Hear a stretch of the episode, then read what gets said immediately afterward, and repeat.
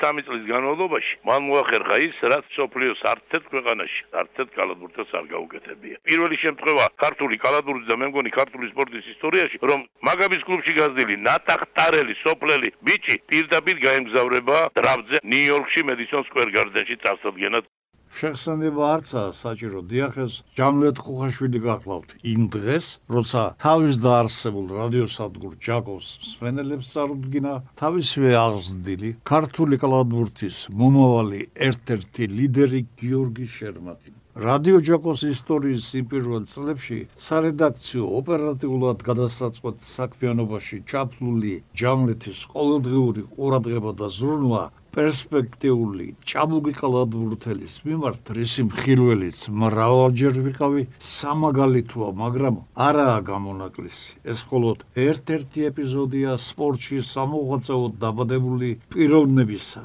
და სწორედ ასეთი გამორჩეული გახდათ ჯამლეთ ხუხაშვილი საყოველთაო დაღიარებული პოპულარული კომენტატორი და ჟურნალისტი მრავალმხრივი სპორტული მოღვაწე რომელიც თავის საქმიანობის ყველა სფეროში არაჩვეულებრივად წარმატებული იყო და აღიარება და სიყვარული არ მოხლებია იმ ათეული წლების განმავლობაში რადიო სპორტული რეპორტიორის პირველი ნაბიჯებიდან რომ დაიწყო და ახლა სამუდამოდ დარჩა ქართული სპორტის ისტორიაში გიორგი შერმადინის ამის შემდეგ იქნება ძალიან გამორჩეული სახე ქართული კალათბურთისა და თემსოფლიოს ალაპარაკებს გილოცავთ ყველას და ჩვენ კი გზადაულოცოთ 216 სანტიმეტრის 19 წლის 115 კილოგრამი წონის მქონე გიორგი შერმადინს დღევანდელი მიმოხილვა ფეხბურთით გავაგრძელოთ და ბათუმიდან გია ცანავას მოусმინოთ მოგესალმებით მოგესალმები ჩვენს რადიო მსმენელებს და დღევანდელი საუბარი მინდა დავიწყო სამწუხარო ამბით მადონი ჯამლები ვიტყოდი რომ ყოველ მხრივ განათლებული და ინტელექტუალური კაცი იყო არა მარტო სპორტში ზოგადად ყველა საკითხი შეხედული და მე მახსოვს 1983 წელი იყო ბათუმის დინამო პირველ მეორე ლიგიდან გადასასვლელ ფინალურ მატჩს თამაშობდა ბათუმში და რეპორტაჟი მიხავდა ბატონ ჯამლებს და კოტე მახარაძეს. მახსოვს საოცარი თემა იყო წარმოუდგენელი თუნდა როგორც თქვენ ბათუმური თემა და იმ თამაშზე არავინ გაქანებულა არც ტრიბუნიდან და თქვენ წარმოიდგინეთ რომ იქაც ასხავდა წყალე სადაც ბატონიკოტე და ბატონი ჯავლეთი ისხდნენ და არც ისინი განძრეულობა ჩვენ ქვევიდან ვაგებდებოდით ისეთი მოქნეული თემა იყო აი კოკის პირული იმაზეც იყო საუბარი სად შეეწყვიტა თუ არ შეეწყვიტა თამაში მაგრამ ეს რამოდენიმე წუთი ისე განძელდა და შემდეგ მადლობა ღმერთს გადაიღო და ეს რეპორტაჟი ძალიან დამამახსოვრდა ბატონ ჯავლეთის და ბატონი კოტეს. მე ბანკეტი გაიმართა და ჩვენც მოვხდით იმ ბანკეტზე და თამადა ბატონი კოტე იყო და ბატონი ჯავლეთი მოაძგილი და მარტო საფეხბურთო დღესასწაული არ იყო და ძალიან ცუდია და ძალიან ძვირია მე მინდა ბათუმელი აჭარები გულშემატკივრების სახელით სამძიმარი გამოუცხადა მადანი ჯამრეთის რეალს და ასევე ვისარგებლო შემთხვევით და მადლობა გადაუხადო მას ყველაფრისთვის რაც მას ჩვენი ხალხისთვის და ჩვენი ქვეყნისთვის უკეთებია ახლა მინდა ორივე სიტყვა მოგახსენოთ თამაშზე რომელიც ბათუმში გაიმართა დინამო მიიღო წყალდუბო სამგურალე მოგეხსენება დინამოს სამგურალე კეთკეთი კაკალია და ბათუმღაც უჭირს ბათუმის დინამოს წყალდუბო სამგურალთან თამაში. მაგრამ უნდა გითხრათ რომ ამ შეხვედრაში დინამო აშკარად დაჯამდა თავისი მეტოქე პირველივე ტაიმში ორი ულამაზესი გოლი გავიდა შემდეგაც არაერთი მომენტი ქონდა ბათუმის დინამოს და უნდა გითხრათ რომ მე პირადად არ ველოდი რომ წალდობო ასეთი სუსტი გამოჩნდებოდა ამ შეხვედრაში თორე წინა შეხვედრებში წალდობო შესანიშნავად ითამაშა. მაგრამ ბათუმის დინამომ ეს თამაში ძალიან კარგად ითამაშა და მეტოქე დაჯაბნა და მოუგო. ახლა მინდა შევეხო მატჩს რომელსაც ყველა ელოდა და მოგეხსენებათ მილანი თავიდა ნეაპოლში აპოლის წინააღმდეგ და ნუ მოლებრივია ყველა გვაინტერესებდა აპოლის და ქუჩას თამაში და თქმა უნდა ჩვენი აქცენტი უფრო იქეთ მიდის აქცენტები იქეთ იხრება ხოლმე ბუნებრივია და უნდა გითხრათ რომ ალბათ კატასტროფა არ მომხდარა იმ გაგებით რომ ეს ფეხბურთია და ნუ ხდება ესეთი რაღაცები და უნდა ითქვას ისიც რომ ალბათ ამ სეზონის განმავლობაში რაც დაიწყო თამაში მილანმა ითამაშა. თავის საუკეთესო თამაში და ნაპოლიმ ითამაშა თავისი ყველაზე ცუდი თამაში. თუმცა ბარსელონამაც რეალთან არავინ მოარევდა 4-0 წააგო თასის სახელმწიფო მატჩი და ნუ გამოვარდა ხდება რა თქმა უნდა ფეხბურთი მაგრამ მიუხედავად ამ წარუმატებლობისა მე ვფიქრობ ჩემპიონის ბედი იტალიაში გადაწყვეტილია ნაპოლის ამაში ვერავინ შეეცილება და ხაზი მინდა გაუსვა კიდევ ერთ გარემოებას არ ვიქნები ალბათ სუბიექტური თუ ვიტყვი რომ საუკეთესო მინდორზე ნეაპოლებიდან რა თქმა უნდა ხუჭა კვარაცხელია იყო ყოველ მიზეს გარეჩეს და სხვათა შორის ასე წაგებული თამაშის მე ისეთი საინტერესო და დადებითი პრესა ქონდა ის თამაში. ამოიქო მოწაზრება, ნუ მარტო ხვიჩა დოლარში წოდვაო და მეც ვეთანხმები, ალბათ ეს ჩავარდნა, არ ვიცი, ვისი ბრალი იყო, ალბათ სპალეტი გააკეთებს ამაზე დასკვნებს და მე ვფიქრობ, რომ კაცილებით უკეთეს თამაშს ლიგის თამაშზე ნეაპოლი მილანში ითამაშებს. ამაში რატომღაც დაწუნებული ვარ, იმიტომ რომ არ არის მილანის გუნდი, რომელიც ნაპოლის ორ თამაშს ზედიზედ მოუგებს. ამიტომ დაველოდოთ რა მოხდება, დაველოდოთ ამ ძალიან საინტერესო და დაძაბულ მატჩებს. დიდი მადლობა, კარგად წამებოთ.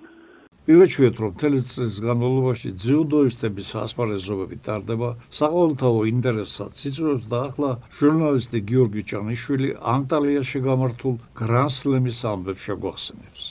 მოგესალმებით სპორტულ ჟურნალისტთა სახელით მსურს რა თქმა უნდა გულისკივილი გამოუხატო ბატონ ჯამრაც ხოხაშვილის გარდაცვალების გამო და კიდევ ერთხელ ატები მივაგოთ მის ხსოვნას მე პირადად ვიცნობდი ბატონ ჯამლეც რა თქმა უნდა როგორც ჩემი კოლეგები. ქონდა მასთან ძალიან კარგი ურთიერთობა. ბევრ რამეს სწავლობდი მისგან.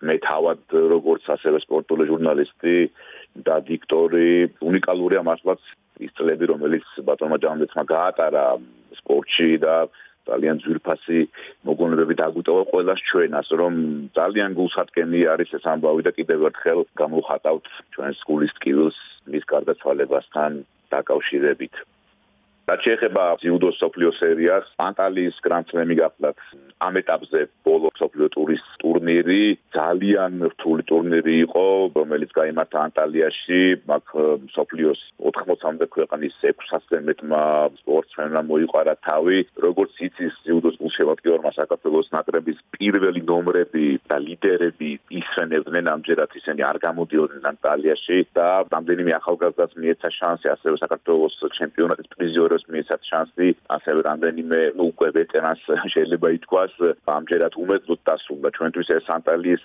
გრან სლემი თუმცა იცის გულშემატკივარმა ძიუდოში იმდენად ბევრი ტურნირი ტარდება უკვე რომ წარმოუდგენელია რომ ყველა ტურნირზე მედალი გქონდეს მე მაინც გამოვარჩევდი ლევან მატიაშვილის ჩვენი მძიმე წონოსანის ასპარეზობას. ამ შემთხვევაში ლევანი ძალიან ახლოს იყო მედალთან მან ჯამში 6 შეხვედრა ჩაატარა და ძალიან ცოტა დააყდა იმისთვის რომ ბრინჯაოს მედალი მოეტოვებინა იცით რომ ლევანი ასპარეზობს მძიმე წონაში პლუს 100 კილოგრამში აქ ძალიან დიდი კონკურენცია არის. იმდენად დიდი რომ ესე დროს იცით აქ არის გურამ თუშიშვილი აქ არის გელაზაალიშვილი თაბაინანეიშვილი ირაკლი დემეტრაშვილი ასე რომ ლევანს მიეცა შანსი ამჯერად. სამწუხაროა რომ მან ვერ შეძლო ბრინჯაოს მედლის აღება თუმცა მის კარიერაში არაერთი მედალია და შემდეგ ტურნირებში მას მიეცემა ალბათ თავის გამოჩენის შანსი. ასე რომ ანტალია დასრულდა მედლის გარეშე ჩვენთვის თუმცა როგორც გითხარით ზოგადად იყო ძალიან წარმომადგენლობითი ტურნირი და უამრავი სპორტსმენი მონაწილეობდა. ეს შანსი იმითიც რომ დილის 8-ის ნახევრიდან იწყებოდა საჩიბრო დღე და ის ულტიმატუმი რომ ძიუდო მთელი დღე გრძელდება და საღამოს 7-8 საათზე სრულდებოდა. როგორც გითხარით, ნაკრების პირველი ნომრები, ლიდერები ამჯერად არასპარეზობენ ანტალიაში, მათ ცირე დასვენების დღეები ჰქონდათ თბილისის გრანდსლემის შემდეგ და უკვე დაწყებული არის მზადება სოფლიო ჩემპიონატისთვის რომელიც იცის გულშემატკივარმა რომ 7-14 მაისს კატარში დოხაში გამართება ნაკრები უკვე გადასულია შეკრებაზე. გუნდი ბაკურიანში იმყოფება გაფართოებული შემადგენლობით იქ არიან ჩვენი გუნდის ლიდერები პირველი ნომრები უკვე დასახელდა ოფიციალურად ის შემადგენლობა რომელიც დოხას სოფლიო ჩემპიონატზე მიიღებს მონაწილეობას ჯამში ჩვენ 12 სპორტსმენი გამოვალთ დოხაში 9 კაცი და 3 ქალი. ასევე ვიასპარაგებთ გუნდურ შეჯიბრში იცის ხმევა რომ ძიუდოში ანუ სოფლიო ჩემპიონატი არის სულ 8 დღიანი აქედან 7 დღე არის ინდივიდუალური წონები ხოლო ბოლო დღეს სტარტდება ხოლმე გუნდური შეჯიბრი. რაც შეეხება შემადგენლობას უცებ ჩამოუთვალოთ.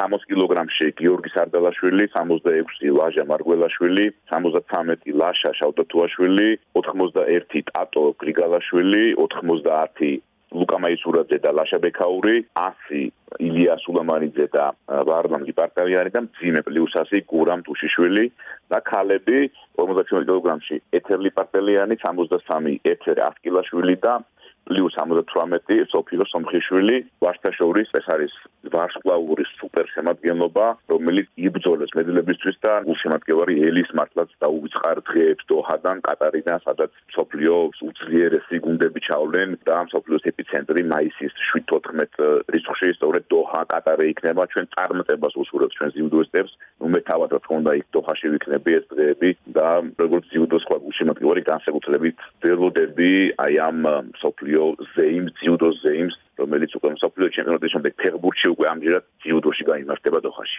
ჭადრაკს სახელოვან მოჭადრაკე ქალებს არასოდეს მოქლებიათ ყურადღება. მით უმეტეს ამ ბოლო დღეებში როცა საერთაშორისო დიდ ოსტატმა მერი არაბიძემ მონტენეგროში ჩერნოგორად რომ მოიხსენიებენ ამ ქვეყნის მკვიდრნი თავის სამშობლოს ევროპის ინდივიდუალურ ჩემპიონატში გამარჯვა ერთი სიტყვით კონტინენტის ახალი ჩემპიონი მერი არაბიძეა ჩვენი სტუმარი. მინდა ხარება გამოვხატო ბატონ ჯამრეთ ხუხაშვილის გარდაცვალების გამო არა მარტო სპორტული სამყარო სრულიად საქართველოს დამწუხრებული ვფიქრობ ამ ფაქტის და ძალიან სამწუხარო ამბავი მოხდა ნამდვილი ქართველი ადამიანი დაუკარგეთ დღეს.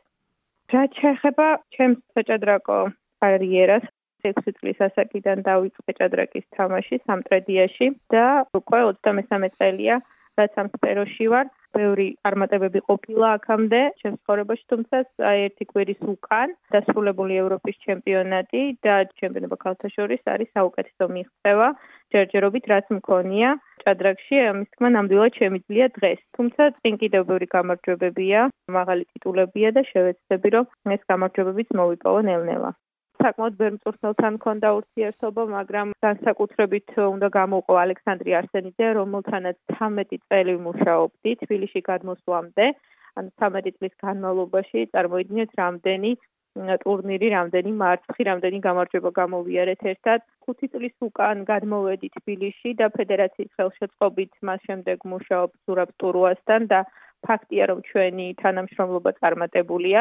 პარალელურად მქონდა სხვა წამყვან მწვრთნელებთან, ქუჩას უბატაშვილთან, ლაშა ჯანჯღავასთან, ანუ ეს პერიოდულად შეკრებებს მათთან მართავდი, ასე რომ უცხოელ მწვრთნელებს, როდესაც მოიწევდა ფედერაცია ნაკრებთან ერთად მათთან თანამშრომლობდი, ყოველას თავისი ხელწერა, ყოველას თავისი გამოცდილება აქვს საჭადრაკო, ასე რომ ყოველთვის ვცდილობ ხოლმე რომ ყველასგან რაღაც დეტალები დავიჭირო და მე რაღაცა ეს ჩემს შემოქმედებაში განვავითარო ის ცოდნა, რასაც ისინი მაძლევენ. პირველი დიდი წარმატება იყო ყველაზე ემოციური ჩემთვის. გამოვყოფთი ალბათ სოფლიო ასპარეზზე 2004 წელს ევროპის ჩემპიონობა და რამოდენიმე თვეში სოფლიო ჩემპიონობა 10 წლამდე იგივე კატეგორიაში. ევროპის ჩემპიონატი როგორც ყოველთვის 23 წელია ტარდება და ყოველთვის გამოირჩევა სიძლიერით. აქამდეც ხშირად ყოფილვარ მოწინავე ადგილებზე ათეულში სამეულთან ძალიან ახლოს, მაგრამ ხო აი რაღაცას ვერ ვახერხებდი მაინც რომ მედალი მომეპოვებინა და ამ შემთხვევაში არის ზოგადად ჩემპიონობას ბევრმა ფაქტორმა უნდა შეუწყოს ხელი. სპორტულმა იღბალმა იმ კონკრეტულ მომენტში ფიზიკურმა მომზადებამ, ინა სატურნირო მომზადებამ ალბათ წლებთან ერთად დაგროვდა მთელი ეს გამოცდილება. და სწორედ ახლა იყო ეს პერიოდი, რომ ყველაფერი ერთად უნდა გამომეყენებინა და ასეც გამოვიდა ევროპის ჩემპიონობის მერე ყველაზე დიდი ტიტული ალბათ სოფლიო ჩემპიონობა, ასე რომ რანგით მეორე ტიტულია. ჩემი გადასახედით, მე მგონი ისედაც ასეა. ერთ-ერთი დიდი ტიტულია, რაც შეიძლება მოიპოვოს სპორტსმენმა, ასე რომ რა თქმა უნდა ძალიან ბედნიერი და კმაყოფილი ვარ ამ შედეგით. საქართველოს ქალი მოჭადრაკეები ევროპის ჩემპიონატზე ძალიან კარგად წარსდგნენ, შემიძლია ვთქვა, სალომე მელიამ და ლელა ჯავახიშვილმა არაჩვეულებრივად იასპარეზეს. სალომემ გაიყო მესამე მეექვსე ადგილები და მეხუთე ადგილი დაიკავა, ხოლო ლელამ მეშვიდე ადგილი. მე და ბელა ხოტენაშვილს უკვე მოპოვებული ქონდა სოფლიო თასის საგზური 2021 წლის ევროპიდან, ანუ სალომე და ლელა იყო დარჩენილი ქალთა ნაკრებიდან მხოლოდ რომელსაც აქამდე ჯერ არ ქონდა სოფლიო თასის საგზური და მათაც მოიპოვეს წელს ასე რომ ძალიან წარმატებული ტურნირი იყო ზოგადად ჭადრაკისთვის ეს ევროპის ჩემპიონატი.